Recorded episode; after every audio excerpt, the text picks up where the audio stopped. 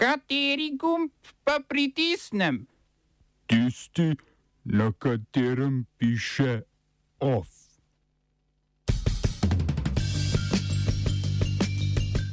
V ZDA skrbi glede vpliva 5G tehnologije na letala. Irščina postala polnopravni delovni jezik Evropske unije. Okrožno sodišče v Kranju zavrglo kazensko vadbo z opera Zorana Stevanoviča. V kulturnih novicah filmski dogodek Ekstremno slovensko predstavlja študentske uspešnice.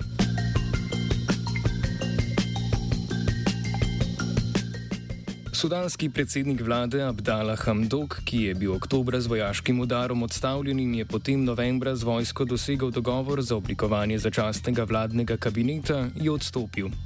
Odstop je najavil potem, ko mu ni uspelo sestaviti nove vlade za čas tranzicije, ki bi delovala, dokler se ne bi organizirale volitve. Poleg tega so se tudi po podpisu dogovora med civilno oblastjo in vojsko nadaljevali protesti proti umešavanju vojske v vodenje države. Protestniki so dogovor označili kot legitimizacijo vojaškega udara. Po padcu nekdanjega predsednika Omarja Al-Bashirja vojska vzvodov moči ni spustila zvajeti. Na drugi dan novega leta je izraelska vojska obstreljevala obmejna oporišča palestinske organizacije Hamas na območju Gaze in poslopja, v katerih naj bi izdelovali rakete. Izrael je sprožil zračni napad, ker sta v soboto dve raketi iz Gaze pristali v Sredozemskem morju pred območjem Tel Aviva. Izraelska vojska je zavrnila pojasnila, da sta raketi proti Izraelu poleteli zaradi slabega vremena. Hamas sicer z izstreljevanjem v morje preizkuša svoje orožje. Evropska komisija je pripravila predlog skupnega evropskega sistema klasifikacije oziroma taksonomije zelenih in trajnostnih tehnologij. Evropska komisija namerava jedrsko energijo in zemeljski plin označiti kot zelena ter trajnostna vira. V predlogu komisije so jedrske elektrarne opisane kot trajnostne, če lahko država zagotovi, da ne škodujejo okolju, kar pomeni, da mora država predstaviti način varnega odlaganja jedrskih odpadkov. Na predlog Evropske komisije sta se z nezadovoljstvom odzvali Nemčija in Avstrija, ki želita, da Evropska unija popolnoma opusti jedrsko energijo.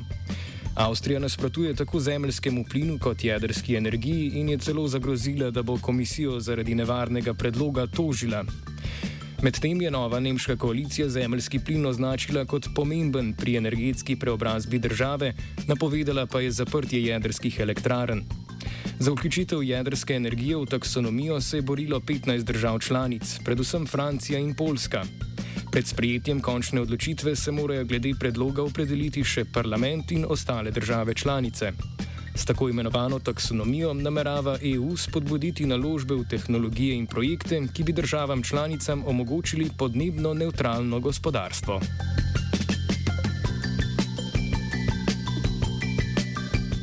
Z novim letom je irščina postala polnopraven delovni jezik Evropske unije, kar pomeni, da bodo vsi dokumenti EU prevedeni v irščino.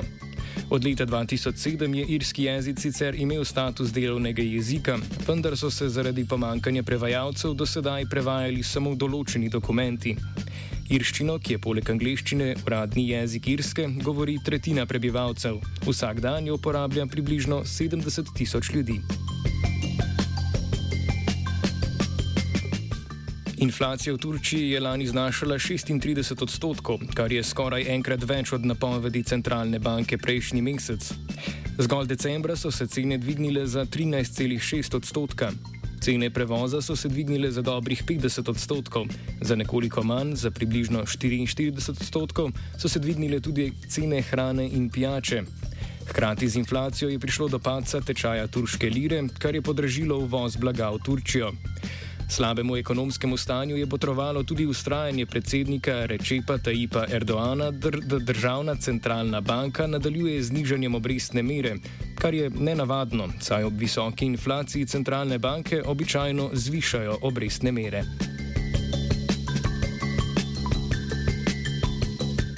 Oblasti Združenih držav Amerike so dve največji telekomunikacijski podjetji v državi, ATT in Verizon, prosile naj za največ dva tedna odložite zagon omrežja 5G. Letalska industrija je namreč izrazila skrbi, da bi lahko nekatere frekvence tehnologije 5G negativno vplivali na instrumente na letalih in s tem ogrozile let. Prvič je zaradi zbiranja dodatnih informacij do odložitve prišlo v začetku decembra, tokrat pa sta podjetji zavrnili vladne prošnje.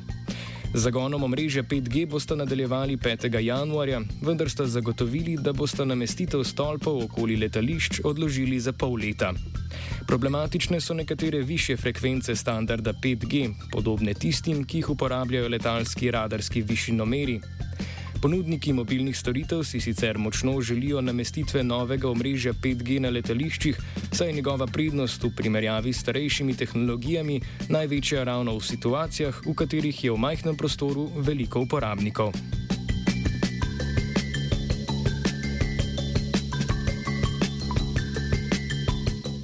Oba, če, če bom odgovoril na angliški. Slovenija will try to help.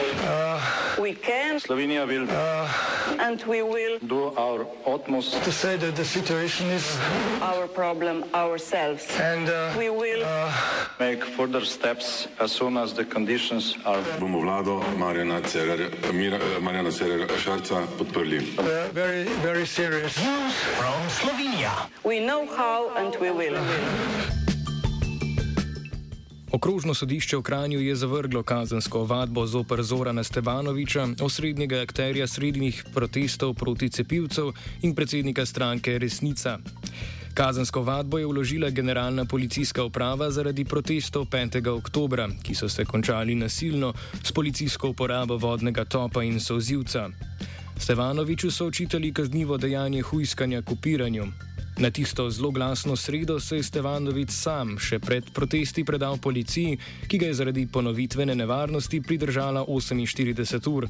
Na njegovem domu in v prostorih stranke Resnica pa so bile opravljene hišne preiskave. Stevanovič zdaj napoveduje tožbe zoper odgovorne, saj je prepričan, da je bil pridržan nezakonito. Sodelavci Radio Televizije Slovenija Zoran Medved, Boris Bergant, Marjan Kralj in Marjan Lah so pripravili nov predlog zakona o RTVS.